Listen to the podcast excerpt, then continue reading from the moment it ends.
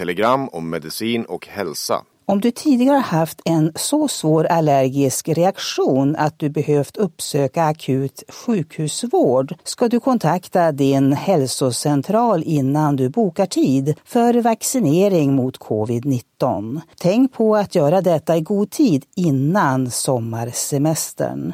De allra flesta personer med allergier och tidigare allergiska reaktioner kan vaccinera sig i ordinarie vaccinationslokaler, skriver Region Västernorrland på sin hemsida. Om du tidigare haft en så svår allergisk reaktion att du akut inom 30 minuter från att du utsatts för det du är allergisk mot behövt söka sjukvård kan du ha en ökad risk för en ny svår allergisk reaktion vid vaccinering, säger Maria Alsen Lindström, familjeläkare och ordförande i Läkemedelskommittén. Du som tidigare haft en svår allergisk reaktion ska vaccineras med utökad övervakning. Du kan inte själv välja att vaccineras med utökad övervakning. En sjuksköterska eller läkare på din hälso eller vårdcentral